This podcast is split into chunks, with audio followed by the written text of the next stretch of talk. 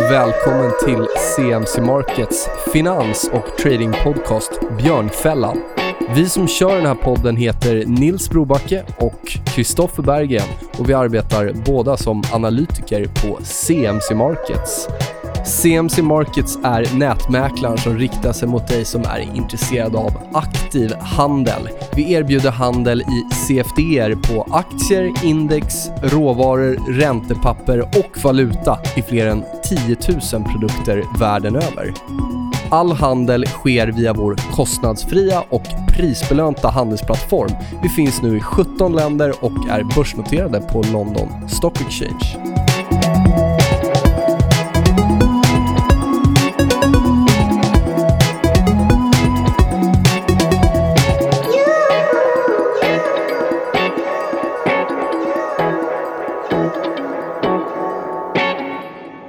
Vi hoppar över till en annan nedtryckt sektor, välfärdssektorn. Eh, ni köpte ju Attendo, om jag förstått det rätt, Ja. i juli. Mm. Attendo och Academedia är två aktier som jag har varit intresserad och pratat om här, eh, speciellt efter valet. Då. Mm. Jag tycker att tekniskt ser de trevliga ut och fundamentalt så eh, borde det finnas massa eh, uppsida där. Ja. Jag menar, vårdbehovet är enormt, skolbehovet och så vidare. Och så vidare.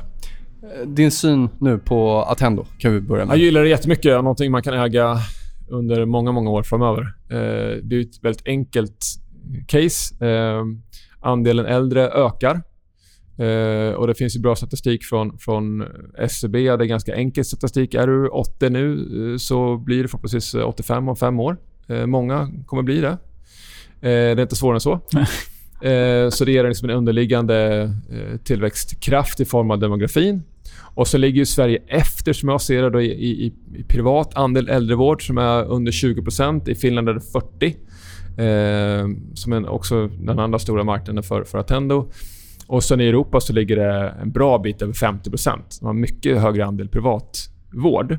Vilket jag ser som något väldigt positivt. Eh, och det här med stoppa vinster i välfärden är bara något tokigt kommunistiskt påhitt liksom, som är, saknar helt verklighetsförankring. Han blev ne- helt nersågad där, han, Ja. Malmö, Ilmar. Ehm, så det, det, det där... Ja, jag, jag har svårt att se att, att det skulle hända överhuvudtaget. Ehm, Tittar ja. man i efterhand så väl har väl kvaliteten egentligen varit högre på de privata Ja. alternativen. Ja. Så att det är ju bara dum. Eh, Socialstyrelsen gör ju eh, undersökningar och jämför. Eh, och Det visar ju att privata al- alternativ är bättre. Eh, och Jag tror ju på vinst som drivkraft, att det är något positivt och bra. Och väldigt enkel, eh, enkel, bra drivkraft. Och Det behöver absolut inte vara dåligt för kunden, utan tvärtom. Jag tror ju det är bra för kunden. Så jag hade gärna varit, eh, Att, varit lite äldre och kunda på, på några Attendo-boende. Ja, Attendo ger ju annan vård också, bara en äl- äldre Ja, vård, 75 va? är ju äldrevård. Mm. Och sen en annan typ av, av, av vård. Då. Mm. Eh, Ett behov som antagligen också ökar. Vi ser ju idag att eh, ja, det funkar superbra kanske. ja, det, är, det är inte lika enkelt att räkna på det, men demografin är ganska enkelt att räkna på. Mm. Eh, och privata andel och så vidare. Eh, men visst, då, 25 är ju, är ju annan typ av, av vård till, till ungdomar och, och eh, psykiatri och, och den Mm. typen av, av eh, tjänster. Och vi äger ju Humana också som är mer inne på den biten. Också äldreboende förvisso, men en liten del och mycket personlig assistans. Eh, som också bör lugna ner sig nu då efter, efter valet. tror att ett nyval, får vi se vad Löfven kan hitta på men det känns som att det är lite, blir lite komplicerat. Jag tror att ett nyval kan eh, skaka till det lite igen. Alltså oron kommer tillbaka, även fast det kanske är inte så troligt att det blir något välfärdstak, men att den oron kommer komma tillbaka. Ja, det, det skulle ju kunna göra det. Ehm, jag tycker det känns omöjligt med, Mm. med ett förbud mot vinst. Men, men eh, visst, man ska inte helt utesluta. Jag, jag tror att trenden går åt andra hållet. Mm. Att, att vi går mer mot Europa med en större privat andel över tid. Jag tror liksom inte det går att... Med det behovet som finns så, så går det liksom inte att stå emot de krafterna. Jag tror inte politikerna, även fast de skulle vilja... Och nu vill ju inte de flesta det, men om de skulle vilja skulle de inte, inte kunna. Liksom. Har du någon syn på Academedia där? Nej, jag, jag, jag tittar lite grann på uh, Engelska skolan. Ja, den är också poppis, eller ser intressant ut också. Ja. Det är för att jag har bekanta som har barn som går där som säger som är helt lyriska kring, kring skolan. Så det är mer Mm. där. Jag har inte aldrig liksom ägt aktien och jag kan inte sektorn säkert bra. Men, men det kan jag tänka mig också är, är intressant. Ja, ska vi ta några bolag till då? Sen kanske vi kommer in på lite känslosamma frågor. Nej, nej, inte. Ska vi prata känslor? Nej, Eh, I augusti sålde ni Securitas, köpte NRC. Stämmer? Var det ett eh, medvetet val att byta mellan Securitas och NRC? Alltså den typen av bolag, för inget av dem kanske anses vara de mest offensiva bolagen Nej. i världen. Ja, men i, i, i, I det läget vi är nu, eh, i, i den delen av konjunkturcykeln som jag tror vi är nu, så är jag ju ganska försiktig och gillar den typen av tråkiga bolag. Jag har en lista på tråkbolag hemma i kammaren där som jag tittar på från tid till annan. Och äger mycket såna bolag. Eh, alltså mycket... Eh, dels då ska de vara underskattade. Alla de minnen jag, av jag har, där kan man diskutera vad det är. Då, men, men, men att det finns bolagsspecifika drivkrafter som inte har med konjunkturen att göra. Eh, och att det är förutsägbara kassaflöden som jag kan förstå och räkna på och har en tankeidé om vad som ska hända med dem i framtiden. Så NRC passar ju väldigt bra in i det. Det gör Securitas också. Men, men Securitas... Eh, det caset funkar ju jättebra. Eh, eh, jag sålde faktiskt H&M då och köpte Securitas istället. Den, den, den traden var ju eh, superbra. OK. Eh, och nu har ju Securitas, eh, eller då när jag sålde, jag sålde kring, ja, jag hade flytt att sälja det kring 160. Eh, och då var ju värderingen rättvis tycker jag. Den här övergången då mot säkerhetslösningar går ganska trögt. Och när man räknar, försökte, försökte räkna på det så gott det går och man har ju då en, en konstant prispress på bemanningstjänsterna. Ja, för några dagar sedan när det gäller just NRC så blev det ju offentligt att de köpte en ganska stor, ett stort bolag i Finland. Mm. Betydligt mycket större än vad de själva är, eller? Är de inte det? Eh, nu vågar jag inte säga här, för jag, ja, jag räknar på det där... Eh, jag minns inte exakt. Det var ju ett liksom, stort förvärv. Det var en saftig bit. Ja. ehm, så de finns ju i... VR Track, det finns ju, de finns ju i, i Sverige, men är framförallt stora i Finland. då. Och sen är eh, NRC Group stora i, i Norge och Sverige. Så, så tillsammans så blir de ju störst i, i Norden på järnvägsunderhåll. Och när man räknar... Jag är skeptisk till förvärv överlag. Jag, Mm, jag tänkte på det eftersom de var så stora. Vi pratade om Intrum och Lindorf sist, för Ja, mig. ja, det, var ju, det, är, det, är det är ett exempel på ett uselt förvärv. Ehm, ja, men det, här, det, här blir, det här kan faktiskt bli riktigt, riktigt bra. På pappret ser det faktiskt riktigt, riktigt bra ut. Ehm, så när jag räknar på det blev jag faktiskt förvånad. För Jag utgår från att förvärv är värdeneutrala. Att där du kommer få ut av det förvärvet, det måste du betala för också. Mm. Du får liksom ingenting gratis. Men i det här fallet så, så verkar det som... Om de... Ja, om, det, om det inte blir... Om det inte blir dåligt på något sätt. ehm, om, det, om de inte hittar någonting dåligt. Det behöver inte bli särskilt bra skulle jag säga. Utan så länge det inte blir dåligt så har de fått det här eh, billigt. Och eh, VR Group blir ju också största ägare i NRC Group. Som äger VR Track. Då. Så, så det, det talar väl för att man inte behövde få ut sista kronan utan de kommer ju fortsätta då i, i NRC. Eh, så det verkar som de köpte det här till, på pappret till ett bra pris. Eh, verkligen värdeadderande så jag justerade upp mitt motiverade värde väsentligt. Eh, så nu finns det bra uppsida i, aktien fortsättningsvis. Ehm, så vi har... Den är svår att handla i. Den är ju illikvid. Ehm, så vi har fått hjälp där med att hitta lite block och ehm, är i, i princip klara. Kanske ska köpa lite till möjligtvis då, men, men i princip klara och liksom skalat in över tid i, i det mån det har gått. Um, och det, det är ju jobbigt att, att um, ligga i de här likvida aktierna. Uh, ehm, men i och med att det är en trygg verksamhet med enormt goda tillväxtförutsättningar uh, utifrån de, de planer som Trafikverket och motsvarande i de andra länderna har lagt uh, så, så bör det här vara tryggt att äga och visa bra, mycket bra tillväxt under... Ja, de har ju trafikplaner på 14 år. Ehm, Det känns lite som att det, fin- det finns en del att göra i Sverige och Norge. Sen vet jag inte hur det ser ut i Finland, men uppenbarligen så är det också en intressant marknad. Ja, absolut. Så det finns ju mycket att göra i, i, i Norden. Ehm, sen är väl frågan då... Ja, det finns ju planer, konkreta planer på hur mycket pengar man ska spendera de kommande åren under många år framöver och vad som ska göras. Sen är frågan om det, om det blir så. Eh, risken är att man blir besviken. Det är det som är risken. Eh, men med tanke på hur eftersatt järnvägen är och att en person som jag till exempel inte vågar åka tåg för att jag är rädd för att jag ska komma i tid. Så jag flyger alltid. Även fast jag gärna åker tåg i sig. Jag gillar att sitta och, kan man sitta och läsa och man slipper ta sig ut till flygplatsen fram och tillbaka eller den biten. Men det går liksom inte att åka tåg nu.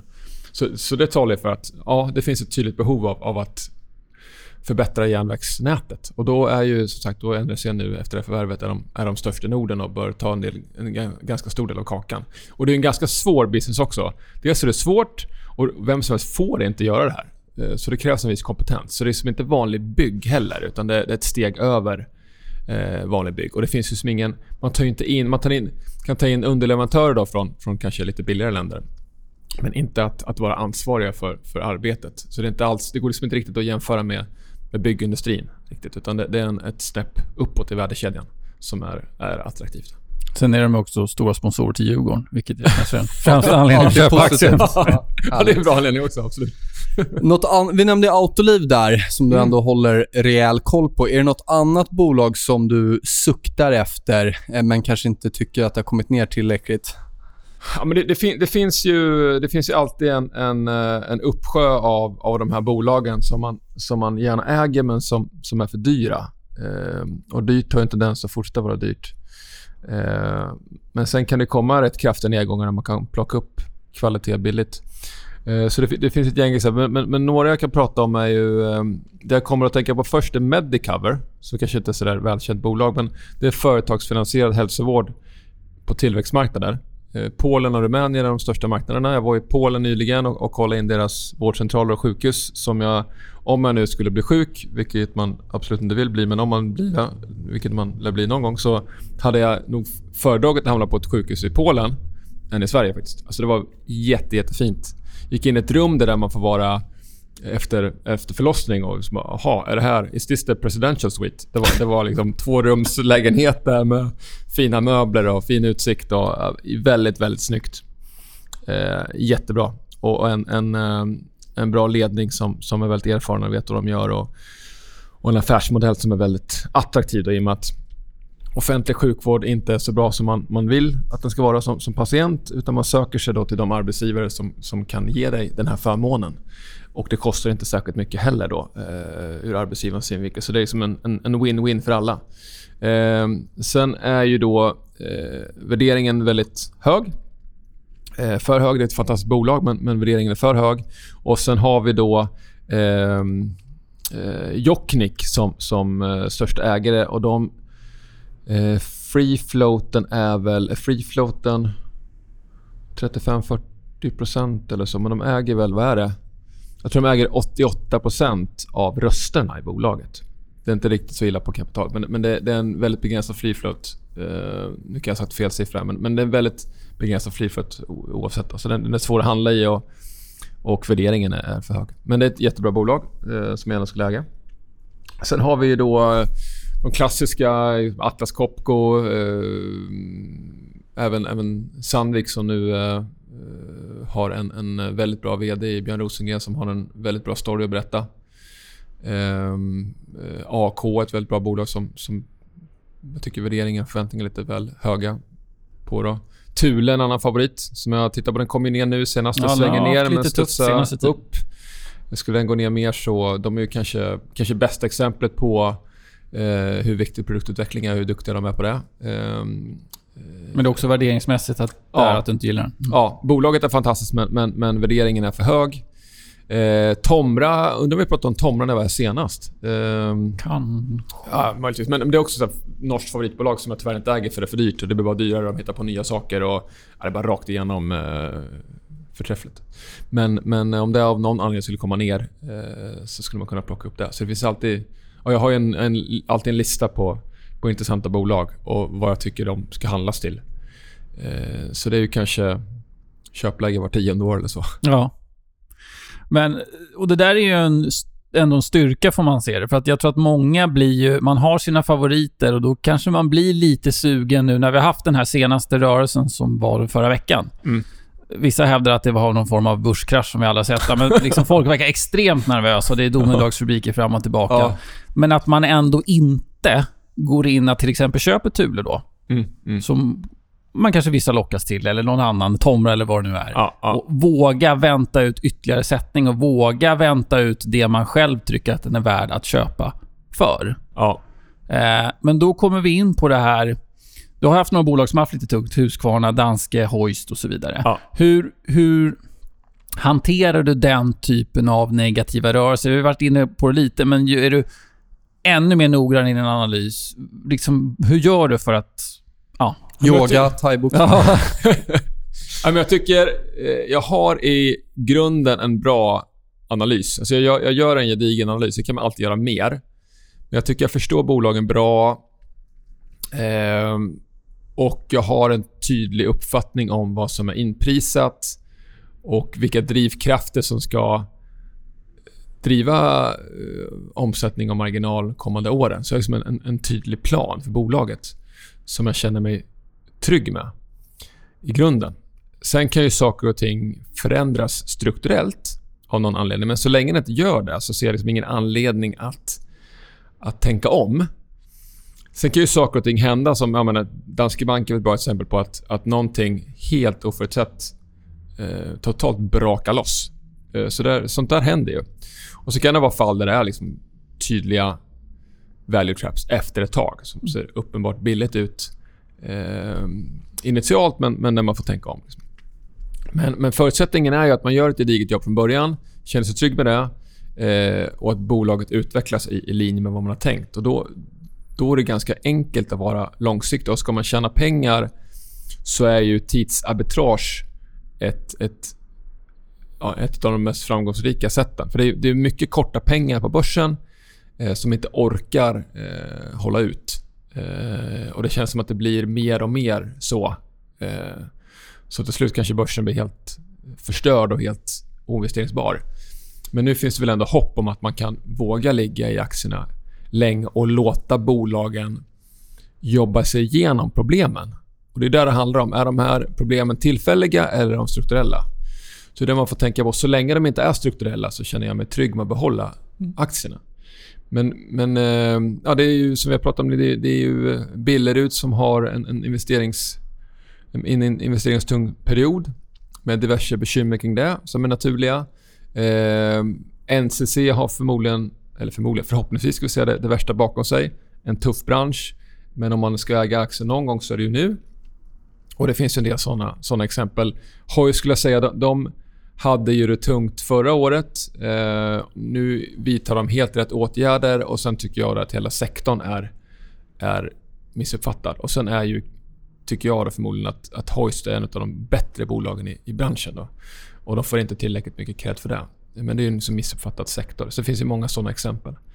Eh, och Sen gäller det också att ha... Det är svårt det här med, med ledningen. Eh, det är svårt att lära känna dem på djupet. Det blir det ofta som man, man, man träffas efter kvartalsrapporten i något, i något konferensrum. Och det är liksom, man, man lär liksom inte riktigt känna dem på, på djupet. så. Eh, men det gäller att ändå ha, känna sig trygg med eh, det de säger och, och där de också exekverar och gör. Eh, att de verkligen gör det de säger de ska göra. Och att man känner sig trygg med, med ledningen på något sätt. Eh, även fast det, liksom, det där med att sätta allt för stort, stor tilltro till ledningen är ju lite överskattat tror jag. För men det, är, det är inte många investerare som, som på djupet känner ledningarna. Det finns en och annan och så vidare. Men det finns väl ändå tendenser till hur de uttalar sig och så vidare om bolaget har väldigt tufft. Mm. Alltså att det är en VD som kanske kan ta tag i saker och ting och inte Ja. försöker gömma sig och du vet, är kommunikativ och svara på frågor och allt sånt där. Ja. Och ja, kanske inte målar upp guld och gröna skogar när det uppenbarligen inte är på det viset. Mm, absolut. absolut. Ja, Andreas och Henrik har jag för mig, de sålde väl en aktie när CFOn satt och petade näsan, eller? Ja, det var något sånt. Ja. Ja. Så det, det kan man ju också ha som sälj. Jag vet en rolig plats, ett trolleripalats.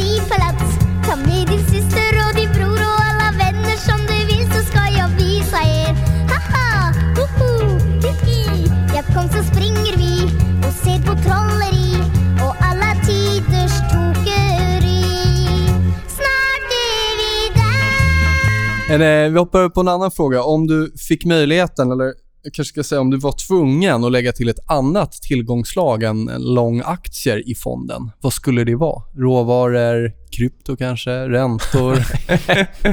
vad, vad, korta index till exempel. Vad, vad skulle liksom vara något som... Råvaror genererar inga kassaflöden, så det kan jag inte räkna på. Så det faller helt bort.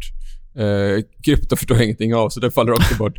Ja, men, eh, ja, men i, i, en, i, en, i, en, I en riktig värld, då har man ju inte bara aktier, utan man ska ju fördela mellan olika tillgångslag. I min värld då är det aktier och räntor. Mm. Så, så räntor är ju någonting man ska äga också för att ha liksom en, en optimal portfölj.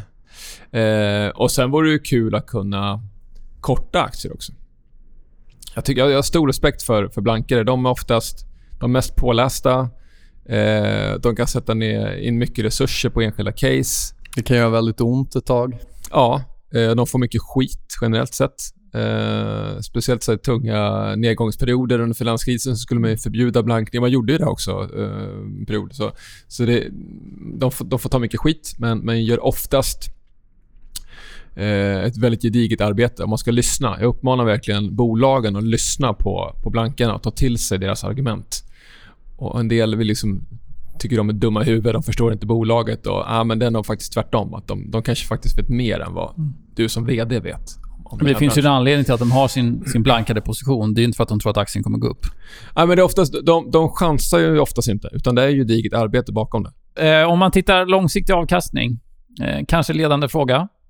Men du får två, två svarsalternativ. Vad tror du är viktigast för den långsiktiga avkastningen? Att man undviker de riktiga bottennappen eller att man prickar in de riktiga raketerna? Nu jobbar du med lite större bolag, så att... Eh, men vad, vad tror du Ja, själv men det, är det, det är ju en väldigt enkel fråga att svara på. Man, man ska ju...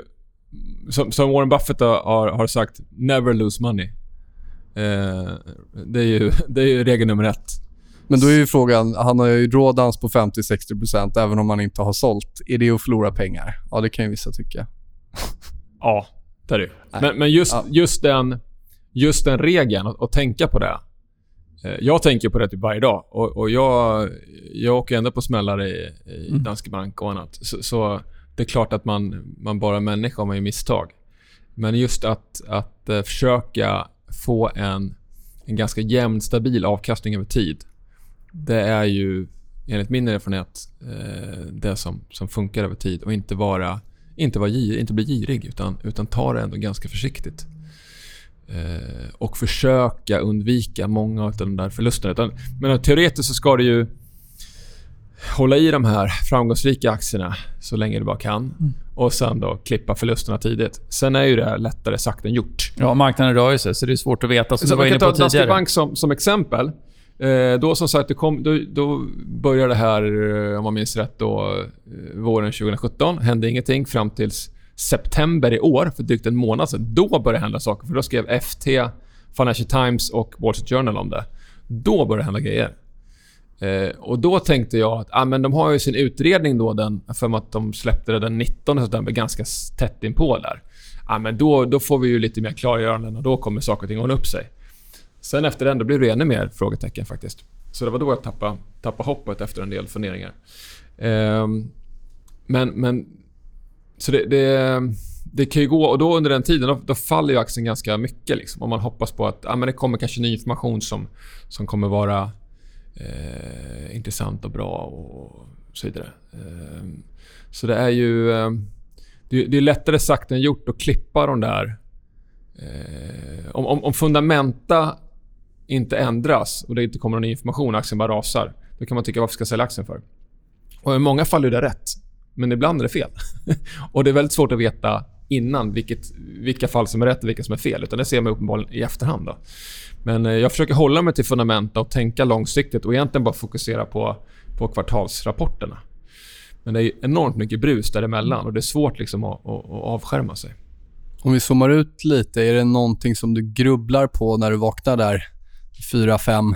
Vad, vad, vad tänker du på? Är det något eh, på hemmaplan eller ja, kanske Ja, men det, makro- det, det är alltid... eh, Jag bryr mig inte jättemycket om makro utan fokuserar väldigt mycket på, på bolagen. Mm. Sen är ju... Som sagt, makro är alltid fokus på något sätt. Eh, Det är alltid, det är alltid någonting att oroa sig över. Eh, climbing the, the wall of worry, som man säger. och nu då, som sagt, ja, det är kanske nu vi är vid någon form av brytpunkt, möjligtvis. Eh, när vi ändå har fått ganska tydliga signaler på, på att, eh, att det viker. Eh, så nu är det liksom mer, mer intressant än, än, än på länge vad gäller makro. Men annars är det ju... Eh, det, man, det, jag, det jag funderar på det är ju de bolagen som inte riktigt presterar som jag vill.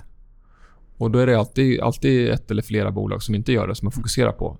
Och Sen kan man då lite grann glömma de bolagen som, som går bra eh, och inte försöka liksom, ja, lägga energin på så få bolag som, som möjligt. Och Det optimala är ju att alla bolag utvecklas i linje med vad man har tänkt sig och allting går bra. Men det är alltid någonting som, som inte riktigt lirar som man måste ägna tid åt. Så det är alltid släcka bränder. Om du eh, får välja resultaträkning, balansräkning eller kassaflödet, eller kassaflödesanalysen då. Eh, vad väljer du och skiljer sig beroende på om det är högkonjunktur, lågkonjunktur och så vidare i hur du ser på bolagen? Ja, men allting hör ihop, alltid. Eh, så Men nu går måste inte- du välja en av de tre. Ja, men det går inte. Utan man måste... Det är som att välja ett av sina tre barn. Allting, allting hör ihop och eh, det, det kommer alltid göra det. Så man kan liksom inte... ehm, Om du får rangordna dem då? Ja, men, eh, det är väl kanske för lite fokus på, på balansräkningen. Eh, Men naturligt som, som, som aktieintresserad så, så ser man möjligheterna eh, och då är väldigt mycket fokus på resultaträkningen och, och tillväxt. Eh, och det är bra så. Eh, och sen på, på räntesidan är det mer fokus på, på balansräkningen naturligtvis. Men den men alla de tre delarna hör ju ihop och då, man kan inte bortse från något av det. Utan, utan, men det gäller att inte missa balansräkning och även kassaflödet. Och, och, och I många fall kan jag känna att det är väldigt mycket fokus på, på vinst per aktie. Eh, kanske lite väl mycket, mycket fokus på det. Utan man ska inte missa de andra viktiga bitarna heller. Men det är så, har jag haft en uppgång sen finanskrisen nu så är det klart att då är resultaträkningen det intressanta. Men det är när det smäller som balansräkningen är den Ja. viktiga. Ja. Är du för skuldsatt så åker du på det ordentligt. Men det Ja. visar sig först när eh, det går dåligt i konjunkturen. Exakt. Och det kan vara mycket goodwill i balansräkningen som, Mm. som eh, innebär en del nedskrivningar och, och sådana tråkigheter. Också. Om vi har en topp i marknaden nu, varför ska man köpa en long-only-fond? Aktier? Ja, man ska ju alltid äga aktier. För just det där med timingen är ju oerhört svårt. Sen kan man ju dra ner risken, dra upp risken beroende på hur... hur, eh, hur eh, ja, man, ska, man ska ju eh, sova gott om natten. Så brukar jag tänka i alla fall. Att liksom, känns det inte bra om man är orolig, eh, och det, det är från individ till individ hur mycket risk man tål. Eh, då får man dra ner risken. Men man ska ju alltid äga aktier. Eh, och svenska aktier är bra att äga för vi har väldigt fina bolag i den här regionen. Och över tid så har svenska aktiemarknaden presterat väldigt väl. Så jag tycker man ska äga svenska aktier, inte minst som svensk, eh, över tid. Eh, och i min portfölj så, så har jag... Mitt problem är ju egentligen att jag är lite för försiktig. Eh, så jag ligger ju i mycket tråkiga bolag som ska prestera bra resultatmässigt över tid oavsett hur konjunkturen går. Inget, inget bolag är ju immun mot en lågkonjunktur men, men, men oavsett hur konjunkturen går så kommer de prestera relativt väl. Och ha balansräkningar som är solida och bra. Så jag sover gott om natten. Sen är enda problemet egentligen, ja, om vi får då en fortsatt stark börs med cyklis som skulle dra kanske och så vidare, ja, men då kommer jag att tappa mycket mot index. Men portföljen i sig kommer ju utvecklas stabilt och bra utan några, några större fall. Jag kollade snabbt faktiskt nu när, när vi hade den här väldigt snabba börsnedgången. Det kanske vi alltid fick se här, tyvärr. Jag skulle gärna se lite mer, men, men då var jag i bästa Sverigefond. Så det säger ju en del om, om positioneringen. Eh, att jag ligger ju jag ligger rätt för, för en sämre börs, men, men lite sämre för en, för en stark börs. Så, ja, det går ju snabbt att ta igen det, liksom, den skillnaden då. då eh, mot Ja. index Ja. är den positiv. Ja. Så. Skulle, du- om du, har någon, det är jättesvårt att svara på, men låt oss säga att OMX går ner 30% Har du någon uppfattning om vart du landar där? Nej, det, det där går inte att säga, men, men eh, jag skulle bli oerhört förvånad om jag gick ner mer än index i en sån kraftig nedgång i och med att jag har den typen av bolag som, som eh, kommer hålla sina vinster på, på en relativt bra nivå ändå. Eh, och det, där det finns tydliga bolagsspecifika drivkrafter som kommer ändå fortsätta driva eh, resultatutvecklingen oavsett. Men sen är det också... Eh, det beror på andelen illikvida papper, småbolag och så som kan ta mycket stryk, vilket är omotiverat förmodligen över tid, men under, under korta tidsperioder. Eh, och Det kan ju handla om ett år eller kanske till och med längre så, så får de oerhört mycket stryk när, när det blir utflöden i fonder och, då, och, och småbolagsfonder måste sälja och då trycker man ner kurserna något helt enormt. Så, så det är också en, en faktor att, att, tänka på. Det, det, är ju det är ju ändå begränsat antal likvida aktier på Stockholmsbörsen. Det, de är ganska få faktiskt. Mm. Det blir trångt i dörren då. Ja, och, och det, är, mycket, där man inte vill också. sälja då i, i den likviditetsproblematiken. För då är det ju alltid ut på botten. Då, så, att säga. så vissa bolag, då gäller det att vara införstådd med att den här, det här bolaget, de här aktierna, kommer jag få äga för evigt egentligen. För det kommer inte kunna gå att sälja dem. Då måste man känna sig trygg med att, att järnvägsunderhållet kommer fortsätta ja. under de kommande tio åren. Även fast aktien kommer tryckas av liksom, tekniska skäl. Men har du några såna aktier? Du, du äger såklart aktierna du äger för att du vill ha dem, men har du några som är okej, okay, blir det utflöden, då är de här jag kommer välja, för likviditeten är jättebra och jag kanske inte vill sälja just dem då, men det är, bättre, det, är det bästa alternativet. Nej, men ur riskperspektiv så måste jag ha en, en, eh, en hygglig andel likvida aktier. Mm. Sen, sen, är ju faran då att man, om det kommer utflöden, att man säljer dem och till slut har man bara kvar illikvida aktier. Så ja. så får man inte göra. Men det är någonting jag, jag tänker på. Um, men uh, ja, det, är också, det var därför också vi hade den här eh, sektorrotationen från, från verkstad till bank. Dels var, har man ju på senare tid varit rätt orolig för, för eh, konjunkturen. Och då är frågan var ska man lägga pengarna någonstans? Eh, om man ska vara fullinvesterad och man måste ha likvida papper, ja men då är det ju verkstad eller bank. Det är därför vi har mycket det temat i, i Sverige att, att ska man äga verkstad, ska man äga bank, ska man äga båda, hur ska man göra? Och då blir det naturligt så att man, om man inte ska äga verk, verkstad, ja men då måste man flytta över till bank. För det är ändå, visst, det är inte, det är inte lika, absolut inte lika konjunkturkänsligt och det stora likvida papper där man kan skyffla över kapital eh, på ett snabbt och enkelt sätt. Så det blir liksom en, en, en naturlig sektorrotation på så vis. I övrigt är det ju inte så mycket faktiskt. Alltså det, det är de två, två stora sektorerna som finns. Jag antar att fonden är dagligt handlad. Skulle du hellre ja. vilja ha den månatligt handlad? Eh, I, ja, när det gäller den här typen ja, av men det, saker? Det spelar... Det, det vore skönt att ha investerare i fonden som eh, var väldigt långsiktiga och kunna tänka i 3, 4, 5 års perspektiv. Har du inte bara sådana investerare? och, som som, som eh, också dök upp här, tror jag var väl i Twitterflödet under den här nedgången som, som Warren Buffett har sagt återigen här att att, eh, jag kommer inte ihåg exakt ordagrant, men du ska äga den typen av bolag som du kan känna dig trygg med även fast börsen är stängd i tio år. Tio år är väl lite väl eh, häftigt då. Lite väl lång tidsperiod. Men låt säga tre. Jag skulle gärna se att börsen stängde i tre år. Det vore så jäkla skönt att slippa stirra på den här skärmen. Det skulle vara toppen. Vad mycket fritid du skulle ha. ja, exakt. Eller mental fritid i alla fall. man skulle kunna göra, göra andra saker. Ja. Men det kan man faktiskt fokusera på mer på, på bolagen och eh, kvartalsvisa uppdateringar än en massa brus i, i nyhetsflödet och, och aktiekurser som rör sig som en jojo som egentligen inte spelar någon roll. Om man ser till, till Billerud som vi pratade om här att, att eh, nu är den fallit tillbaka igen efter en, en, en, svag rapport igår måste man inte säga. Men eh, eh, under den här turbulenta sommaren eh, så kan man egentligen bortse från den. Innan, innan gårdagens fall så, så var, då var aktien tillbaka igen då, till där den var innan rapporten i somras. Eh, så den liksom, mellanperioden har man ju kunnat skippa helt och hållet. Det har bara varit liksom, sömnlösa nätter helt i onödan. ja. Var det något annat du ville att jag skulle fråga om? någon annan? Nej. det tror jag inte. Nej, vi känner börsen idag. Det var en härlig inspelning. Får tacka så väldigt mycket för idag Mattias. Kul att du kunde komma igen och det är väldigt roligt att höra uppföljningar på uh, case vi har pratat om innan och även nya case. Då.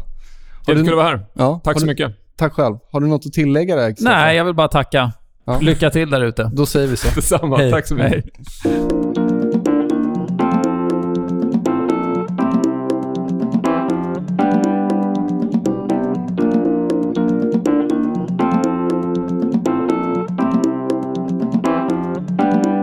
Del två av intervjun med Mattias Eriksson på Coeli Sverige avklarad. Eh, vi tackar för det och önskar en trevlig helg och lycka till med handeln. Ja, tack ska ni ha. Ha det fint. Hej hopp.